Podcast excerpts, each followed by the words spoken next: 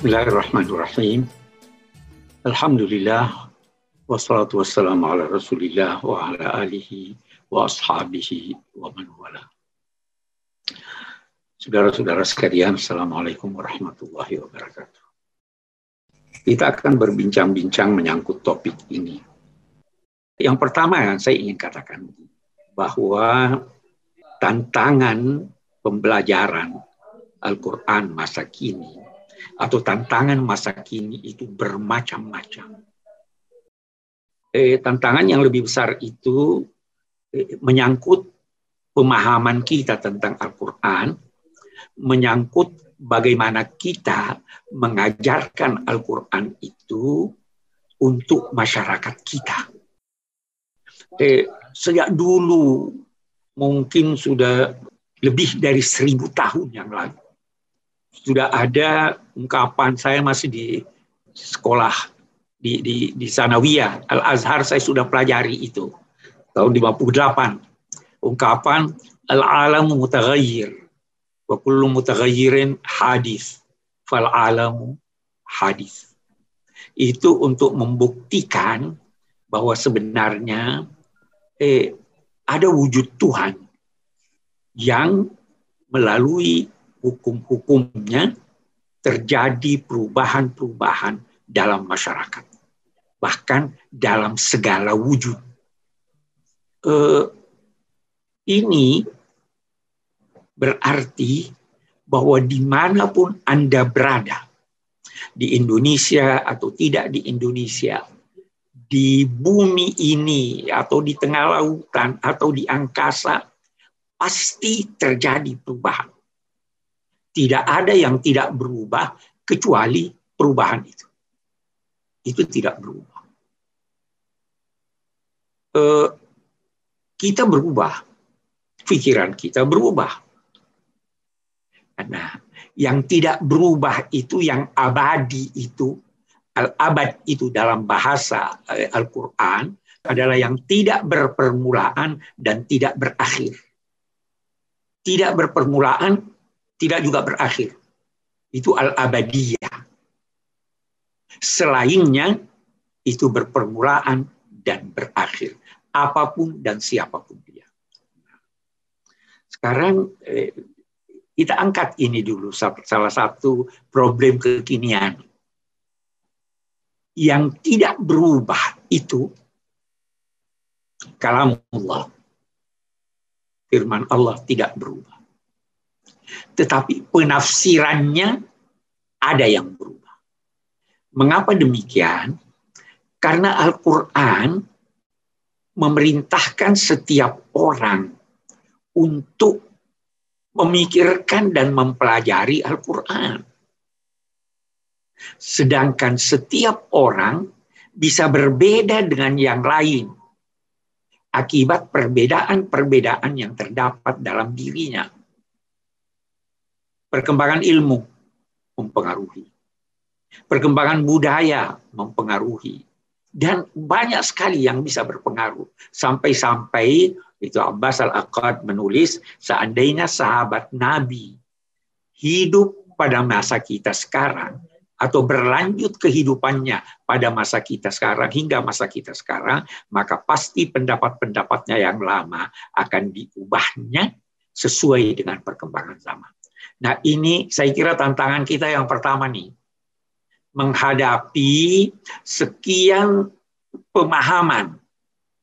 Itu eh, Zaki Najib Mahmud ada saya ada tulis itu di buku saya eh, kalau saya tidak salah wawasan Al-Qur'an yang kedua itu bahwa kita sekarang menghadapi ada yang baru baru dikemukakan oleh orang baru ada yang baru tetapi sudah dikemukakan oleh orang yang lama. Dia masih tetap baru sampai sekarang. Ada yang lama dan masih dikemukakan sekarang dan ingin dipertahankan sampai sekarang. Kita tidak ingin mengubah teks-teks Al-Quran, tetapi kita berkewajiban mengubah penafsirannya sesuai dengan perkembangan masa kita tanpa garis bawahi tanpa melanggar ketentuan-ketentuan agama. Nah, ini yang sulit. Bagaimana kita memajukan sesuatu yang baru menurut pandangan kita, tetapi tidak melenceng dari garis-garis Al-Quran. Kita ingin melihara turas apa yang dihasilkan oleh ulama-ulama kita masa lalu dengan melakukan penyeleksian. Kalau baik dan lebih baik dari apa yang diajukan oleh orang sekarang kita ambil mereka. Tapi kalau tidak, al-muhafazah al-qadim salih wal akhlu bil jadidil aslah. Untuk memberikan sesuatu yang baru dan tidak melenceng itu ada kaedah-kaedah yang harus dikuasai. Tanpa penguasaannya, kita akan mengemukakan sesuatu yang baru tetapi ditolak oleh agama. Nah, eh, saya ingin garis bawahi empat prinsip pokok dalam konteks mempelajari atau dalam konteks pembelajaran terhadap Al-Quran. Yang pertama, hendaklah kita sadar bahwa tidak boleh ada suatu penafsiran yang bertentangan dengan usul adi. Itu satu prinsip. Semua yang bertentangan dengan usul din kita tolak. Yang kedua, tidak boleh ada penafsiran yang bertentangan dengan bahasa yang digunakan pada masa turunnya Al-Quran dan tidak juga bertentangan dengan kaedah-kaedah kebahasaan yang disepakati. Saya ingin garis bawahi yang disepakati. Eh, saya mau beri contoh satu atau dua contoh tentang penggunaan bahasa ini. Apa arti sayarah? Sayara sekarang artinya mobil. Tapi sayara tidak digunakan untuk makna mobil oleh Al-Quran. Kalau Anda gunakan itu, kita tolak. Ada kaedah-kaedah kebahasaan, misalnya yang disepakati, bahwa ada yang dinamai mu'annas majazi. Itu ada yang ada yang menafsirkan bahwa eh, eh, eh, eh yang lebih dulu diciptakan Tuhan itu adalah perempuan. Dalilnya apa?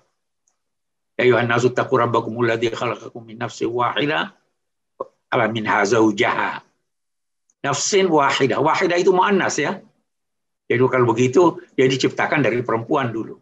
Khalaqa minha zaujaha minha dari perempuan itu zauj, zauj laki-laki. Adam baru muncul. Ini bertentangan dengan kaidah kebahasaan. Ada kata-kata dalam Al-Quran yang bisa mengandung dua makna.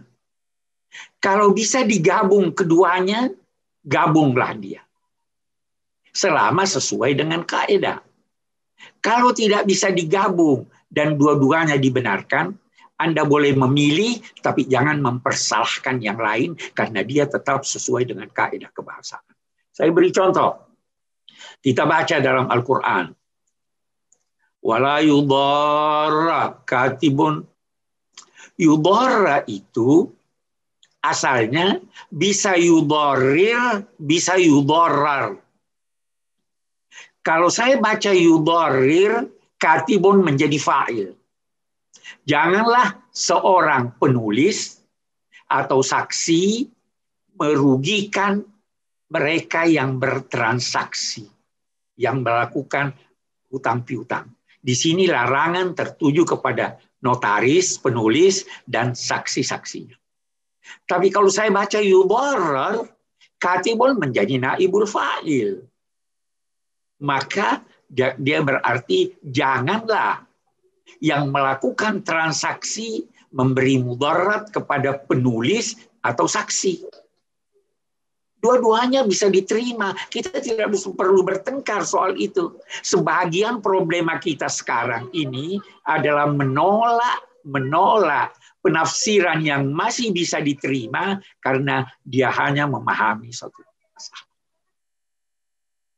Itu sebabnya sejak dulu saya sudah eh, menggarisbawahi bahwa sebenarnya dalam konteks pembelajaran tafsir kita harus lebih menekankan pada pengajaran tentang kaedah-kaedah tafsir daripada pengajaran tentang kandungan tafsir.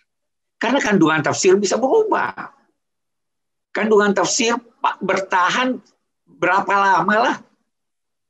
Sekian banyak penafsiran masa lampau yang sudah out of date sekarang akibat perkembangan ilmu. Tapi kalau kita fahami pembelajarannya menghadapi eh, perubahan masa ini, pembelajarannya ditekankan pada kaedah-kaedah, maka itu akan lebih membantu menciptakan mufassir-mufassir baru, tidak hanya menukil yang lama, yang lama dan yang lama.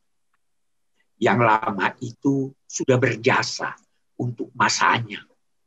Yang baru harus bisa mengajukan penafsiran yang baru, tetapi tidak bertentangan dengan kaedah-kaedah kebahasaan, tidak bertentangan dengan kebutuhan masyarakat kita sekarang. Salah satu yang ditekankan oleh Al-Quran dalam konteks pemahaman Al-Quran adalah at-tadabbur, at-tilawah, berusaha memahami membaca dan mengikuti itu tilawah, membaca dan mengikutinya dengan pengamalan. Itu, itu tilawah. Tilawah itu membaca. Bisa dari satu teks, satu tidak teks. Tapi kalau mau diikuti, utlu ma'urhiya ilaika Nah ini yang kita ingin tekankan. Dan dalam konteks tilawah itulah akhlak harus mencerminkan tuntunan-tuntunan Al-Quran. Itu makna tilawah. Nah, eh, perkembangan ilmu luar biasa majunya. Itu ada eh, eh, ada catatan dikatakan dulu itu perkembangannya ini dari kalau kita mau sejarah kemanusiaan mulai dari masa batu, masa tembaga, masa besi, masa modern, postmodern, sampai sekarang kita ini itu terus berubah dan penemuan-penemuan terus-menerus bertambah dan bertambah. Pada tahun 50-an, menurut penelitian, itu setiap bulan ada satu penemuan baru. Kalau sebelumnya, masa Renaissance, setiap tiga tahun baru ada satu. Melonjak tahun 50, sudah satu penemuan setiap bulan. Tahun 2003 sudah empat dan lima penemuan setiap bulan. 2003. Tahun 2009 sudah 10 setiap bulan. Dan buku dari hari ke hari makin kita kesampingkan karena sekarang ada digital. Kita harus mampu mengikuti itu dalam konteks pembelajaran. Oke. Saya ingin eh, mengemukakan sesuatu yang boleh jadi berbeda eh, dengan sementara filosof, eh, apa yang Anda dengar dari saya, apa yang Anda baca pada suatu buku, itu bisa dikatakan benar dan salah atau salah, bisa juga tidak ada istilah Anda katakan ini benar atau salah. Kalau saya berkata begini, mari kita lihat. Kalau saya berkata begini, eh, pemandangan di puncak indah, apakah ucapan saya ini bisa dikatakan benar atau salah? Itu penilaian saya. Anda jangan berkata Anda salah, jangan berkata Anda benar. Kalau Anda tidak setuju, Anda berkata, saya tidak anggap itu indah. Tapi jangan mempersalahkan. Ini. Begitu juga kalau Anda melihat eh, seorang pemuda tampan, gadis cantik, terus Anda berkata, waduh dia cantik sekali, dia tampan sekali. Jangan berkata salah atau benar. Karena itu statement yang tidak mengandung kemungkinan untuk dipersalahkan atau tidak. Sekarang kita ambil contoh yang lain. Eh, di tempat itu di bawah tanahnya ada minyak. Bisa dipersalahkan atau bisa di, di, di, dikatakan benar atau tidak? Bisa, saya kata. Tetapi untuk menyatakan itu benar atau salah, maka harus dibuktikan secara ilmiah bahwa memang ada minyak, ada tambang emas dan lain-lain di situ. Kalau tidak dapat dibuktikan, bagaimana? Masih bisa saya katakan benar atau salah? Seorang filosof di Mesir, Zaki Mahmud, itu tulis begitu. Kalau itu tidak bisa dibuktikan bahwa itu benar atau salah, kalau Anda tidak bisa membuktikannya dengan akal. Nah, baru sekarang kita lihat. Eh, seandainya ada seorang yang dekat kepada Tuhan, dia mendapat isyarat-isyarat yang tidak dapat dibuktikan dengan pembuktian ilmiah sebagaimana yang, di, yang dituntut oleh akal ilmiah. Apakah apa yang diucapkannya itu Anda tolak atas dasar bahwa dia tidak dapat dibuktikan secara ilmiah? Nah, ada yang langsung menolaknya. Tidak. Itu tidak ilmiah, itu harus ditolak oleh akal.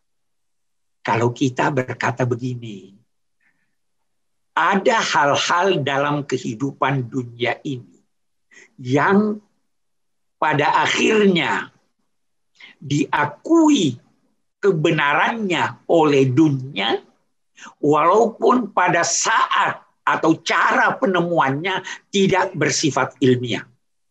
Saya beri contoh. Archimedes itu menemukan hukumnya melalui apa? Bukan melalui hukum. Penemuan daya tarik bumi itu ditemukan melalui kebetulan, kata orang. Maka sikap agamawan yang menggunakan daya kalbu dan daya akalnya itu tidak akan menolak itu mentah-mentah, tetapi kalau tidak bertentangan dengan akal, maka dia akan mempertimbangkannya untuk menerima tanpa menolaknya. Nah, di sini kita berbeda dengan kenapa? Karena kita menggunakan akal dan hati kita. Kita menggunakan otak dan kalbu kita. Otak dan kalbu itu, kalau menurut ilmuwan sekarang, itu fungsinya di, di, di otak kita kan berkata kalbu itu cinta itu di hati. Terlepas kita bisa berbeda pendapat soal itu, tetapi yang jelas pesan ulama-ulama kita. Apa pesannya? Letakkanlah sedikit akal pada hati Anda supaya Anda tidak menyeleweng. Eh, yang bercinta, pakai akalmu juga. Walaupun akal tidak bisa menciptakan cinta, yang menciptakannya hati, tetapi letakkan sedikit akal Ah, begitu juga di akal letakkan sedikit rasa sehingga Anda tidak mentang-mentang kalau tidak sependapat menyalahkan ini tuh letakkan rasa itu. Ah, itu sikap kita dalam memahami, mempelajari. Saya punya pengalaman banyak sekali dan teman-teman saya juga begitu. Saya yakin eh, saudara-saudara juga pernah mendengar atau boleh jadi mengalami. Ada hal-hal yang sama sekali kita tidak duga, kita sudah berputus asa bahwa ini tidak ditemukan, secara kebetulan kita menemukannya. Kalau saya ingin bercerita pada Anda, ketika saya menulis disertasi, salah satu tugas itu adalah eh, menemukan kalau ada pendapat, katakanlah pendapat Imam Ghazali, pendapat kalau Imam Ghazali lebih mudah, pendapat seorang ulama yang tidak terkenal dikutip oleh eh, penulis oleh Al-Biqai. Tugas saya mencari di mana dia tulis pendapatnya itu. Di buku apa? Ini dikutip Oleh Al-Biqai katanya begini, tugas kita mencarinya. Memang kalau tidak ditemukan oleh pembimbing dikatakan tulislah di bawahnya bahas tuh walam ajitu. Saya sudah bahas, saya sudah cari, tapi saya tidak temukan. Jadi kita tinggalkan, kita pergi yang lain. Keesokan harinya atau minggu depannya berjalan di perpustakaan untuk mencari satu buku tertentu, tiba-tiba kaki berhenti mencabut satu buku yang tidak dicari lalu dibuka buku itu, ternyata apa yang dicari berbulan-bulan ini ditemukan di sana. Apa itu? Itu peranan kalbu. Itu peranan intuisi. Itu peranan ilham. Ini sebenarnya yang kita ingin lihat dalam konteks pembelajaran itu. Karena itu kita hendaknya menggunakan semua daya yang dianugerahkan Allah untuk mempelajari Al-Quran.